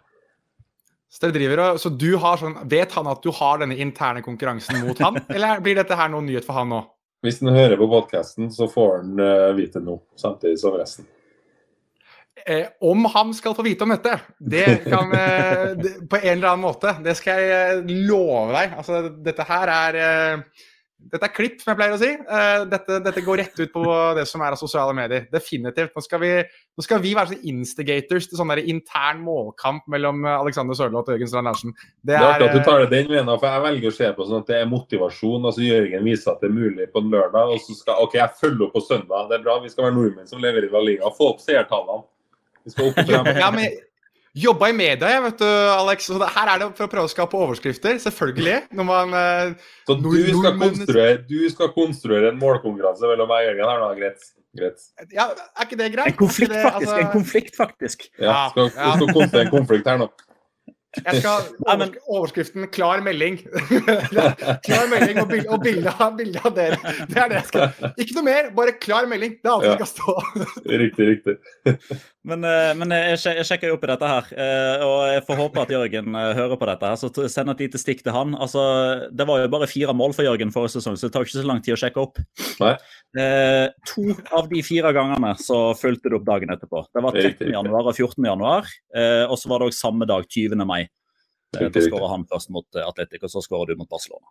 Ok, Da kan jeg puste lettere ut. Da har det i hvert fall skjedd nok ganger til at det er en statistikk. Ja, det er over 50 av gangene. Ja, der. OK, det er nok for meg. Det holder for meg. Konstaterer vi også det at disse Excel-dokumentene, disse legendariske Excel-dokumentene til Petter Wæland slår aldri feil. Så det um, jeg, jeg, la, jeg la meg sånn på en måte, Petter, så ble jeg imponert. På en annen måte så ble jeg jævlig skremt over at du klarer å finne sånt på under to minutter. Um, men, uh, men det er deg, og det er derfor, uh, det er derfor du er uh, et La Liga-orakel. Når, Jør når Jørgen Eh. begynner å skåre flere mål, så tar det lengre tid. Ja, for så vidt. Men jeg, jeg er jo nysgjerrig, da. Et par spørsmål vi har fått fra lyttere her, um, Alex. Det er jo Unn Maresdatter Tjelta. Vi er så inne på det at uh, Ketil Velle og Petter Wæland er de eneste Viareal-supporterne i Norge. Så er vel Unn Maresdatter Tjelta og hennes mann er vel de eneste Atletic Klubb-supporterne i Norge. Um, så hun lurer jo litt på om du kan fortelle hvordan det er å spille et baskerderby. Det er litt annerledes enn andre derby, for det er jo det friendly derby. Eh, og det er ikke så mye aggressivitet og det er ikke den krigen som det kan være i andre derby. Så har jeg spilt derby i Tyrkia, og det er jo kanskje, det er kanskje derfor jeg sier det for der var det jo fullstendig galskap. Altså det er ingenting som kan sammenligne med noe. Det var jo ikke lov det er jo ikke lov med bortesupportere på stadionene når det er derbys i Tyrkia. Så det er jo helt ekstremt. Det var liksom samtidig så var det jo sinnssyk stemning på stadion, altså både i Bilbao og i San Sebastian. Det var helt sinnssyk stemning. og Det er nok en av de artigste kampene jeg har eh, spilt. Den, eh, den kampen du nevnte der jeg og Take skåra. Det var helt, helt magisk. Det hadde jo Forhistorien der òg at jeg, jeg ødela jo kneet mitt i en cupkamp og måtte få snakk om at jeg måtte operere. Nei, vi kjører en injeksjon isteden, og trente ikke på åtte dager. Trent 15 minutter dagen før Bilbao-kampen. Starta den kampen, skåra, og så måtte jeg ut rett etter pause. Så det var jo spesielt opptakt, spesiell opptak til den kampen i tillegg. Det fikk vi eh, faktisk, Når du nevner det, eh, på den turen eh, med La Liga, så fikk vi faktisk Da vi snakket med Roberto Olave om det, så ga han et lite hint om at du som er norsk, du har kanskje noe å se fram til. Altså, for det var snakk om at du kanskje ikke skulle rekke den kampen. Det mener jeg husker at jeg hadde lest, at det var TV 2 som hadde Eller jeg fikk høre at TV 2 hadde villet intervjue deg før den kampen. Men så hadde de fått beskjed om at du var skada og kanskje ikke skulle spille likevel. og Derfor så ble intervjuet kansellert. Mm, det var klubben bare, De var, de var stressa, så det var bare klubben som sendte ut melding om at det, det intervjuet bare sløyfer vi. og så var det, Jeg bestemte meg egentlig ikke for at jeg, det var skikkelig vondt og var på smertestillende. og så Eh, på hadde vi oppmøte klokka tolv på kampdag på, på, et hotell i byen. og Så eh, kommer Imanol. Han går alltid runden og sier hei og ser alle øynene og sjekker om de er til kamp. Eh, og så spør han meg er du klar til kamp, kan du starte? Og egentlig det eh, det øyeblikket så bestemte jeg meg ok, jeg er klar til å starte. For jeg hadde egentlig tenkt å si jeg kan spille siste 30, liksom. Og så nei, jeg, må, jeg kan starte kampen. Tør ikke å si noe annet. Men det er, jo, det er, jo, en kamp som er, som er verdt å, si, å, å, få litt vondt av. Ja, og så var i tillegg med den, med den, skaden der, så var det spesielt fordi at jeg var helt avhengig av Hvis jeg skulle spille i hele tatt den perioden her, så var jeg helt avhengig av å starte kampene for å få riktig oppvarming og for å få riktig eh, forberedelser inn mot kampen. Da. Hvis jeg starta på benken og satt der, så kneet mitt låst seg. Liksom. Jeg var nødt til å være i gang fra, eh, fra oppvarminga helt inn til kampstart. Så det ble en sånn, sånn rytme der jeg var bare nødt til å spille eh, fra start. Hvis ikke så var det ikke vits å ha med meg i troppen, egentlig. Det er jo en kjempefin eh, sånn fotballspiller-life-hack òg, da. Bare si at ja, men altså, hvis jeg skal spille, så, så må jeg starte. ja. Det var, jo, det var jo jeg i samsvar med fysene. ikke sant, som, som var jo Heldigvis da, så var det jo en periode der jeg var veldig god. og skåra jo det var vel en periode der jeg skåra fem kamper på rad, så det var liksom ikke noen tvil heller. Hadde jeg vært ræva dårlig, og så hadde jeg ikke kunnet forsvart den taktikken. ikke sant heldigvis så, så leverte jeg. Men er det, er det rekord, Petter? For øvrig, du som var inne på rekorder her nå i stad. Var det, var det ja. fem, fem, kamper på rad? Er det noe Alex da har alene, eller deler han det? Uh, han har den uh, alene, og så har han òg en rekke på fire som han deler med Jon Carew. Ah, ja. Nei, vi skal, innom, vi skal, innom, det der litt etterpå. Men det er jo litt gøy at du er inne på dette med mestskårende nordmenn osv. Altså, jeg lurer litt på det, da, Alex. Altså, La Liga er jo topp fem-liga. Eh, mange vil kanskje kalle enten noen, eh, namely oss, vil kanskje mene at det er den beste ligaen, mens noen vil jo mene at det er Premier League f.eks. Men du er jo den nordmannen med flest mål i en av de største ligaene i, i verden. altså Når det er en del andre navngjetne personer som har vært innom den ligaen. altså Er det noe du har rukket å bli stolt over? Er det noe du har reflektert over? Hvordan er det? Nei, egentlig så, så har jeg ikke tenkt så mye over det, for den rekorden var så lav. Altså 21 mål var det Jon hadde. Og det var liksom ikke altså Hadde han vært på 50, litt over 50, så hadde han måttet strekke seg kanskje spilt i en tre-fire sesonger før man har klart å nå han, ikke sant. Eh, når den var såpass lav, så var det mer å bare få den ut av verden, egentlig. Nå, jeg, nå skal jeg lage min egen rekord for noen andre å slå helt Erling kommer til Real Madrid og bruker en halv sesong på å slå min, eh, så skal det iallfall holde seg. Forhåpentligvis er det lenge til. Men eh, nå har jeg i hvert fall en egen rekord og skal på en måte gjøre den så vanskelig som mulig for noen andre. Ja, Du nevner, nevner jo Erling der og, og snakker om Real Madrid osv. Har dere rukket å prate om f.eks. det? Altså at dere kan bli flere nordmenn om kort tid i Spania?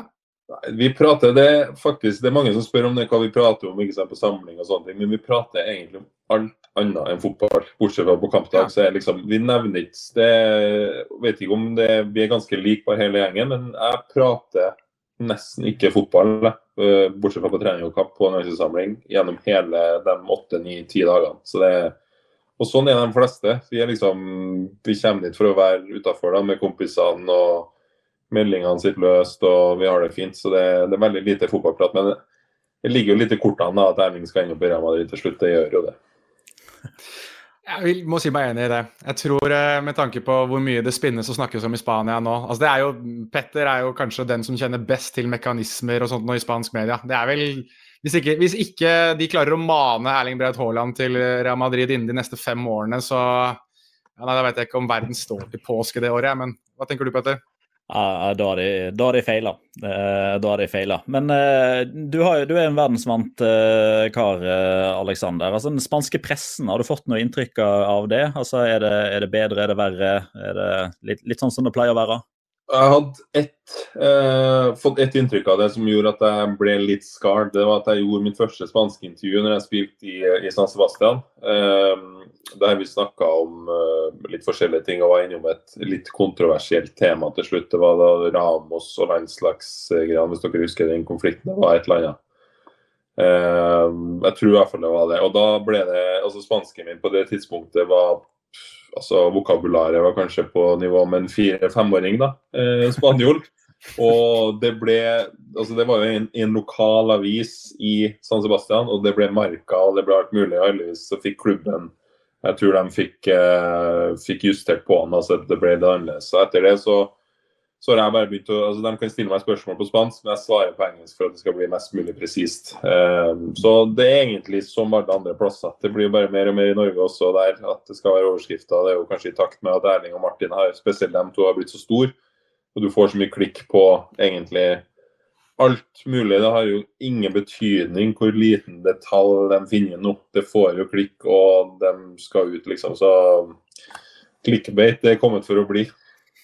Men, men, hvordan håndterer du det? Altså, det er, det er, jo selvfølgelig folk som har spurt oss og hatt lyst til at vi skal komme inn på f.eks. Lagerbäck-gate. Liksom, Da trenger vi kanskje en hel ny podkast, men, men, potensielt sett, altså, hvordan er det for deg å stå i sånne situasjoner med tanke på hvor mye blå, ting blåses opp? Altså Både i Norge, men, men, også som du var inne på dette med Spania. Hvordan er det å være en hovedperson i en, en medieskapt intrige, da, hvis jeg kan bruke det begrepet? det er jo der jeg som jeg nevnte tidligere, har blitt flink da, til at jeg klarer Jeg har fått bygd meg opp og fått egenskapen at jeg klarer å luke det ut.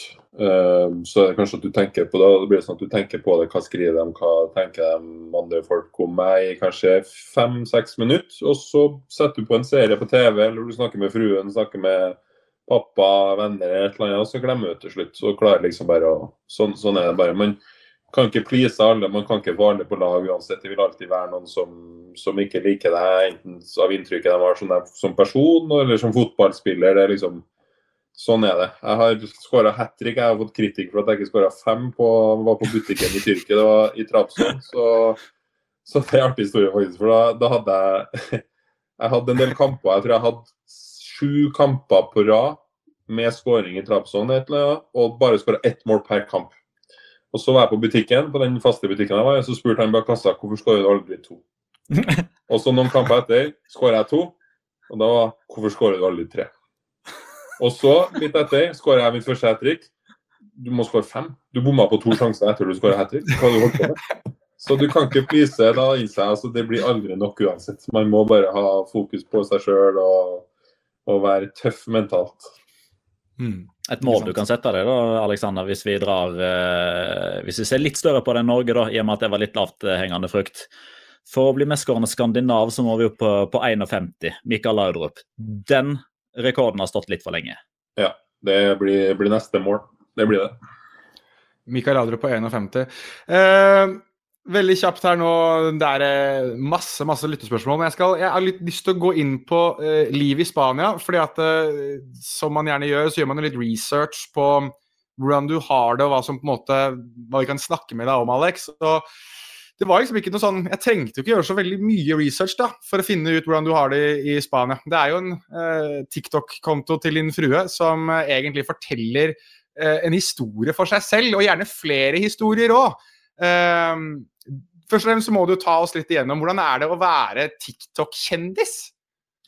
Det òg har jeg ganske nøkternt forhold til. Jeg har sett at noen av videoene hennes får jo jeg tror det er to som har passert en million views, liksom. Og da har jeg forstått òg, da, altså TikTok det er ganske tilfeldig at du blir Altså at du får mye views og, og hva som skjer. Det er for you-page og det er algoritmer. og Det jo, virker som det er Instagram på steroider liksom, med algoritmene og alt det der. Eh, så jeg prøver liksom ikke å legge for mye i det. Samtidig så syns jeg det det er, artig da, å kunne vise litt personlighet. Eh, på Instagram min for eksempel, så er det jo bare fotball. Eh, verdens tørreste fyr på Instagram. Så det er greit å kunne vise litt andre sider av seg sjøl på, på, hennes plattform. da. Ja, og da, da, da, må jeg følge opp, fordi at uh, Jostein Lian har uh, stilt spørsmål og Det er et par ulike som uh, jeg tror alle sammen har referanser tilbake til ulike TikTok-videoer. så jeg, jeg, stiller bare etter hvert som du svarer.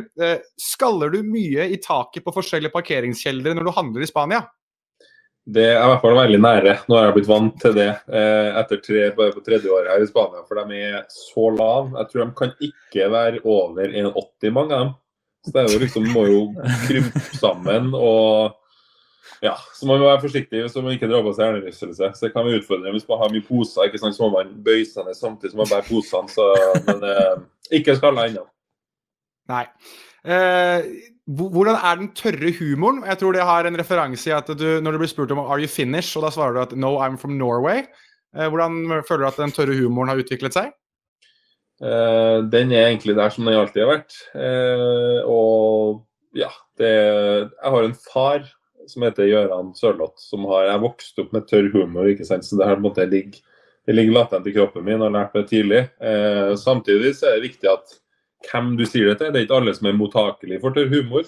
Eh, og leveransen i tillegg. Så det er jo fortsatt jeg prøver å jobbe med. da. Punchline, setup og alt. Det må være riktig leveranse. Og, riktig leveranse, hvordan går det når, vi snakker om golf? For jeg har også merket til at du har påtatt deg en interesse for, i hvert fall på TikTok. Ja, Det måtte jeg bare gjøre, rett og slett for at nå bor jeg på en golfbane. Eh, den er min nærmeste nabo er golfbane, 18 hulls golfbane i i Valencia her. Og, så da starta så vidt i sommer. Jeg var med Niklas og Johannes når vi var på, vi var på en liten ferie oppe i nord. og Så var jeg med dem og fikk smaken på det. Og bestemte meg for at nå må jeg, må jeg gå litt inn for å bli god. Og alle kompisene mine fra før har spilt golf, så det er på tide. Ja, da gir det Altså, dette her er jeg holdt på å si, the story behind the story. Jeg må, jeg må si det. at uh, hvis, hvis, vi noen gang skulle slite med at denne podkasten ikke tar av noe særlig, Petter, så kan vi, kan vi gjøre karriere ut av det også. Få bredere historier av TikTok-videoer. Det fant jeg ut nå. Det er en sånn karrierevei jeg ikke trodde jeg skulle gå. Men eh, jeg kan, jo, jeg kan, jo, ta egentlig et par andre lyttespørsmål sånn på tampen her. Eh, og det er jo veldig mange som stiller spørsmålet. Men eh, skal vi se VS Kabare han spør på Twitter hvilken La Liga-motspiller eh, har du blitt mest overrasket over at var så god? Jeg var innom og somlet litt på spørsmålene her, og da var det liksom noen jeg så som jeg den skjønte jeg kom til å komme, og måtte tenke litt. Og egentlig det jeg har blitt mest overraska over, det er Isco. Når vi møtte Real Betis eh, på hjemmebane. Altså, Jeg trodde han var ferdig. Jeg har ikke hørt noe om Isco på mange mange år. Han hadde vel ikke spilt fotball på lang tid før han signerte der heller. Nei, det, og, Dette var vel også første serierunde òg, var det ikke det? Første, ja, det var den første serierunde, og han var altså untouchable teknisk og alt. Og farta Jeg så ut som han var raskere enn han har vært tidligere. Og han var han var helt unplayable i den kampen, så da, det, da, ble jeg sjokkert nesten. Jeg tenkte det her er finish. Han starter jo kampen her bare pga. navnet sitt. Han tør ikke noe annet trener. ikke sant? Og så bare var han steingod. Så han overraska meg veldig. Ja. Er det, er det, er det mot, altså, med tanke på at du har lest spørsmålene, så vet du også at flere har spurt om hvem som er den verste motspilleren. altså sånn Direkte motspiller, regner jeg med. da. Jeg vet at Jørgen Strand Larsen svarte Antonio Rudiger. Så jeg vet ikke om det er noen du syns er jævligst å møte? Ikke Antonio Rudiger, for han har hatt god kontroll på de kampene jeg har spilt mot han. Eh, og det er veldig deilig, for han er uberaggressiv. Også, men når han spiller mot meg, så jeg driver og melder litt underveis i kampene. Vi snakker, og jeg tror han satte pris på det, for han, det var når han kom til Real Madrid, så snakka han spansk ikke sant, til å begynne med. Så prata vi litt engelsk, og jeg merka at han syntes det var deilig å kunne prate med en fellow English speaker. Og da var det som at han ble nesten litt eh, mer balansert. Han var ikke så aggressiv mot meg. Og så var det et par dueller der jeg vippa han over og han gikk i bakken. Og etter det så har han liksom roa seg litt rundt meg. Han går ikke inn i de tøffeste, altså, tøffeste bataljene. Så han har bra kontroll på Men Arujo på eh, Barcelona Det er vel rett uttalelse av navnet hans. Araujo. Araujo, sorry.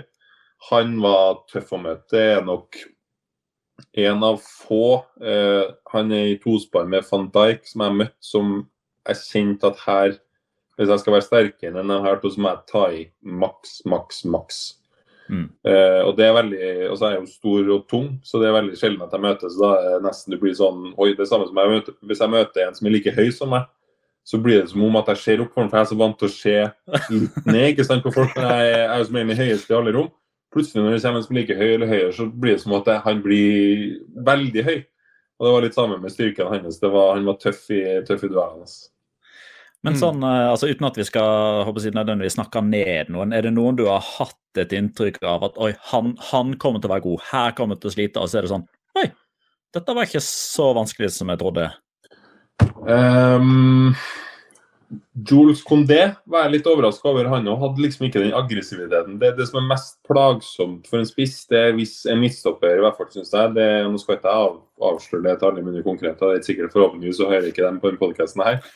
Vi snakker norsk. Men uh, når de er borti deg hele tida og irriterer deg og sparker deg på føttene, på anklene, du, du, liksom, du merker at de er og dytter på deg hele kampen, og samtidig så så går det det verste for meg, og samtidig så går de ikke helt inn i kroppen heller, for da vet de at de er svakere. Så de holder litt avstand, men bare å dytte hele tida. Mens Kondé han var veldig sånn bedagelig. Jeg følte at han også Jeg prøver alltid å søke blikkontakt tidlig med midtstopperne, se om jeg kan finne noe snev av frykt i øynene deres eller et eller annet sånt. Og da syns jeg jeg så det, at han oi, nå skulle møte en stor spiss, og da ble han litt redd. Så han gleder jeg meg alltid til å spille mot.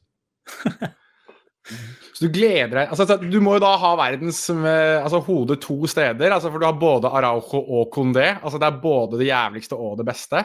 Men jeg gleder meg til å spille mot Araujo også, for da er det, da, det er en av få dueller der jeg ikke har alt å tape. Altså, hvis jeg ikke vinner en duell mot Condé, så er jo det en skandale. Jeg skal jo vinne den duellen. Mens mot Araujo så er vi 50-50. Og da blir jeg mer sånn Da er jeg i en, en sjelden situasjon der at jeg har det meste å vinne, føler jeg. Og det, det er litt godt også. Jeg, får, jeg ser liksom for meg den der Spiderman-memen nå. Jeg ser for meg den der Spiderman-memen ja. der du og Araujo står og mm, Anerkjennelse, liksom. Mm. Ja, nei, jeg er enig, enig i det. Uh, jeg, tar, jeg, tar, også det spørsmålet fra, fra Emil Almås. For det er få ganger vi har fått tilsendt spørsmål hvor det er et bilde som egentlig forklarer spørsmålet mer enn noe annet. Uh, og Jeg trodde først at det var altså Det så ut som det på en måte var et sånt sportskort, altså sånn fotballkortbilde. Uh, men uh, jeg tror det er en plakat. Uh, du kan jo sikkert fortelle historien selv. Men Emil Almås, som vel er å finne i podkasten Rotsekk, han sier at hvor god hadde han blitt på skøyter dersom han fulgte det sporet istedenfor fotballsporet. Og jeg syns jo det er litt gøy at han skriver sporet, fordi det er liksom haha, gøy. Skjønner hva du egentlig mener der. Men, men Og så er det da bilde av deg jeg regner med at det er deg, fra 2008 i full skøytedrakt. Ehm, så ja, nei, fortell. Hva er dette her? Nei, Det var et sånn uoffisielt eh, europamesterskap for, eh, for juniorer og eh, altså fra jeg tror det var gutter og jenter 13 opp til 17, som var, det var på 10,5 i Heerenveen. Um, og ble kvalifisert der gjennom to konkurranser i Norge, der man må ta de topp tre. Da fikk være med på denne turneringa og representere Norge i Tialf. Uh, og det var Hvor god jeg kunne ha blitt, det er vanskelig å si, selvfølgelig. Men jeg kom dit med at jeg trente kun på vinteren to ganger i uka. Så det var jo talent der. Det var jo ikke bare, altså det var ikke noe mye trening som lå bak det her. Så jeg tror uten at jeg skal være for breial, så tror jeg jeg kunne ha blitt ganske god. Det spørs jo med vekstperioden, men jeg hadde en vekstperiode der jeg plutselig bare skøyt i været og ble 95 fra 1,80 på, på ett og et halvt år. Så det kan jo være at det hadde hindra meg noe, men jeg tror jeg, jeg, tror jeg skulle klart å hevde meg i hvert fall i norgestoppen i, i skøyter også. Det, det, er litt gøy da, at uh, det var Martin Ødegaard som endte opp i Heerenveen, og ikke du. Ikke sant. Og Morten Thorsby. Og Morten Thorsby. Det er ganske mange. For Sarawi er vel der også, er han ikke det nå? Jo, jeg tror Kristian Grine. Grindheim har vært der. Tariq Elionossi har vært der. Riktig, Eh, og, der, og der tror jeg det stopper for min del når det kommer til Herenfen. Jeg synes bare, jeg synes det, hadde vært, det hadde vært ganske perfekt da, hvis du hadde blitt værende i Lareal, for da hadde du på en måte hatt du som hadde hevdet deg tidlig i karrieren på skøyter, og så har du jo da uh, Atletic-legende Arid Sadoris, som vel har noe kretsmesterskap på ski, vel, fra, i Spania. Um, og så tenker jeg sånn Spanske skiløpere, det er Johan Myhlegg. Og det er liksom ikke så veldig mye mer å snakke om. Og, og det sånn på alle mulige parametere. Vi snakker ikke så mye om Johan Myhlegg, tror jeg. Um, men jeg syns bare det er litt gøy at det er vintersport og folk som enten har vært eller er i Baskeland, det syns jeg um, Bare sånn kuriosa for de som måtte lure. Uh, Is burde for øvrig vært skihopper med den spensten sin. Uh, at han Ja. gikk på langrenn, hvis han gjorde det, er jo en skandale. Han burde jo bare vært i hoppbakken, så hadde han jo blitt verdens beste. ja, altså Mannen lå jo sidelengs typ tre meter over bakken mot Barcelona i sesongåpningen for noen år siden. Uh, I en alder av Hvor gammel var han, Petter? 38? 39? Ja, 38. Ja. Ehm, jeg er helt enig med deg. Eh, det er sånn kuriosa, Petter, mot, sånn mot slutten her nå. Eh, Ja. Jeg vet at du Alex har jo sagt, Da vi møtte Alex i mixed zone eh, etter Spania-kampen, så sa jo Alex at han, han har hørt på noen episoder. Eh, om ikke alle episodene. Uh, hele tiden. Hver dag, døgnet rundt.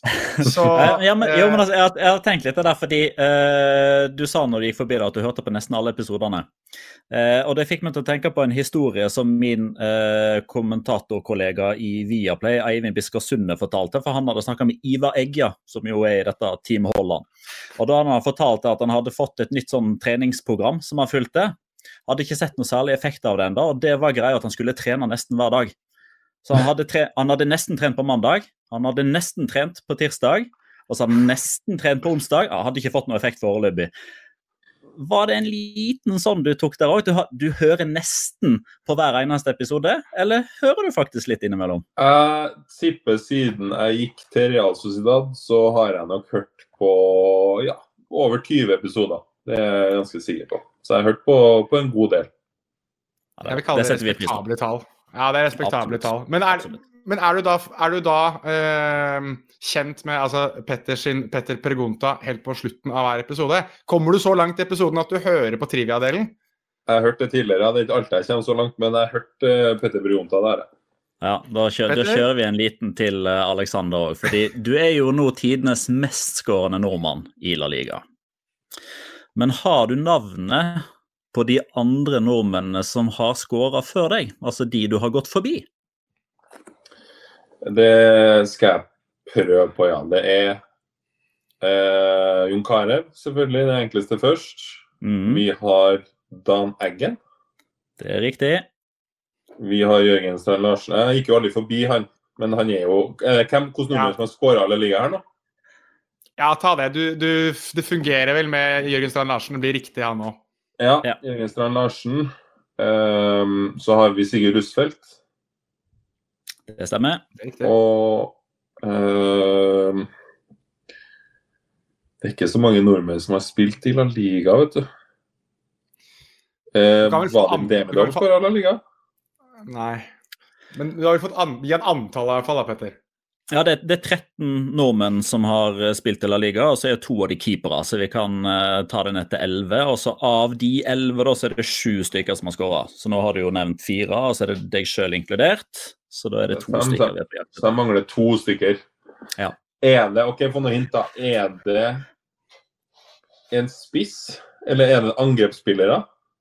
Hvordan er Eh, på banen? Det må, kan du si. Jeg tror jeg tar det eh, ja, altså, han, altså vi, Noen ganger så pleier vi liksom å referere til at hvis man ikke klarer liksom å ta den sjøl, så er det liksom nå, nå sitter lytterne og bare banker på Ja, men du må jo huske! Og han, han ene er en sånn som du Altså, Ja. come on. Uh, og så er det en som er fra litt uh, hine, håre, gamle dager. Uh, begge er vel midtbanespillere. Ja, det er en jeg skal ta Den banker på døra, men jeg klarer ikke å tenke. den. Karev, Russfeldt, Dan Eggen um, Og så har du sagt Jørgen Strand Larsen. Jørgen Strand Larsen Um, Bjørn Tore Kvarme. Han skårer aldri. Han har 86 målløse. Men du, men du nærmer deg. Jeg kan si at du, det er hint. Du nærmer deg litt. Grann. Du er nærmere når du tenker Bjørn Tore Kvarme, ja. Ja. Ja, på, på Eh, flere måter, egentlig. Ja, på ganske mange måter. Så er, er, Nei, vi skal ikke gjøre det for kjedelig for lytterne. Du må, du må si Gi meg et hint til. da. Prøv å gi et hint til. Heerenveen. er Martin Ødegaard, selvfølgelig. Yes. Og til slutt så er det, er det en forsvarsspiller. til slutt. Eh, det er en midtbanespiller, men dette her er eh, slutten av 80-tallet. Altså, den her er vanskelig. Den her er sånn Da, vi gjør det ikke kjedelig for, for lytterne. Si det. Da er vi på Jan Berg. Jan Berg, ja, det har jeg vært sjanseløs på. Martin som jeg glemmer der. Det er for, det er for nytt. Jeg tenker 2000, jeg tenker 90. Se, du kompliserer det for mye. Jeg vet akkurat Ja. hvordan det er. Jeg gjør dette Ja. hver uke, Alex. Hver Ja, uke sitter jeg med de greiene her. Det blir for vanskelig. Det blir for vanskelig. Nei, nei, nei. Men jeg, jeg, jeg syns uansett det her er veldig akseptabelt. Det er veldig akseptabelt å ta Kanskje du burde tatt landslagskapteinen vår. Kanskje. Men samtidig, jeg, jeg tenker at fem av syv her er veldig bra. Dan. Eggen, Dan Eggen før Martin, det var Nei, jeg kan ikke være bekjent av det, men ja, ja. Men Dan Eggen er der hver gang. Dan Eggen er der hver gang. Eh, men du sa at det banker på døra, eh, og da tenker jeg altså Jeg vet ikke om du har noe til slutt, Petter? Om du har noe du har lyst til å Det er et brennende spørsmål til Alexander Sørloth?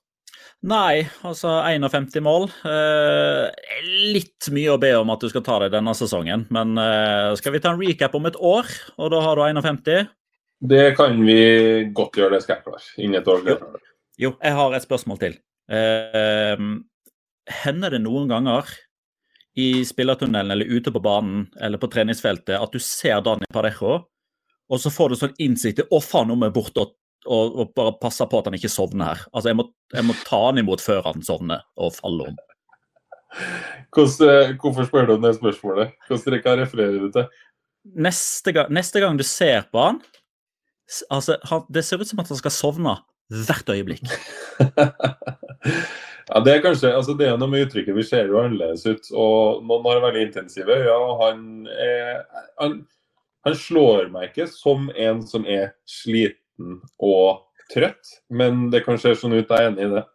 Så vi får håpe noe med, med Marceline. Kanskje han kan skremme litt ekstra. så han får litt mer åpne øyne. Han, er, han har jo vært trent av han, så jeg regner med at det ikke blir noen søvnløse netter. Det blir egentlig ikke noen søvnløse netter eh, når man får høre denne episoden her, som jeg tipper at lytteren kommer til å gjøre gang etter gang etter gang, for dette har vært en absolutt fryd, eh, Alexander Sørloth. Hjertelig tusen takk for at du tok deg litt tid til å være med. Takk i like måte. Det har vært kjempe, kjempehyggelig. Det er jo long time coming, det her, så endelig fikk vi til å, til å sette av eh, ja, det er nesten to timer nå. Det er jo ikke måte på. Nei, altså Vi føler, føler oss beæret. Altså, jeg vet at Magna Kvalvik hadde hylt og skreket og knipset i fingre og alt mulig om å få den episoden til å slutte kjappest mulig. hvis det hadde, når vi går så vidt over timen. Så det hadde vi kommet så langt, det er det har vært en fryd og en gammen. Vi satser jo på at vi Petter sier 51. Jeg kommer til å hyle om 24. Så jeg kommer til å sitte Når du, når du tagges på Instagram eller TikTok eller hva det måtte være, så vet du hvem det er som gjør det. Det er meg. Eh, og det kommer jeg til å gjøre nok ganger til du når 24. Eh, men uansett, en fryd og det har vært helt fantastisk å prate med deg. Til lytterne våre, tusen takk for at dere patronerer. Eventuelt, hvis du hører dette gratis, takk for at du lytter, kjære lytter. Ha det, da! Hei da.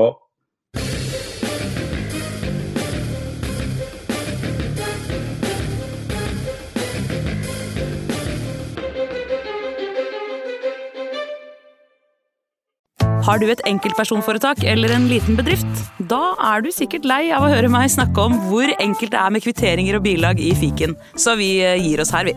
Fordi vi liker enkelt. Fiken superenkelt regnskap.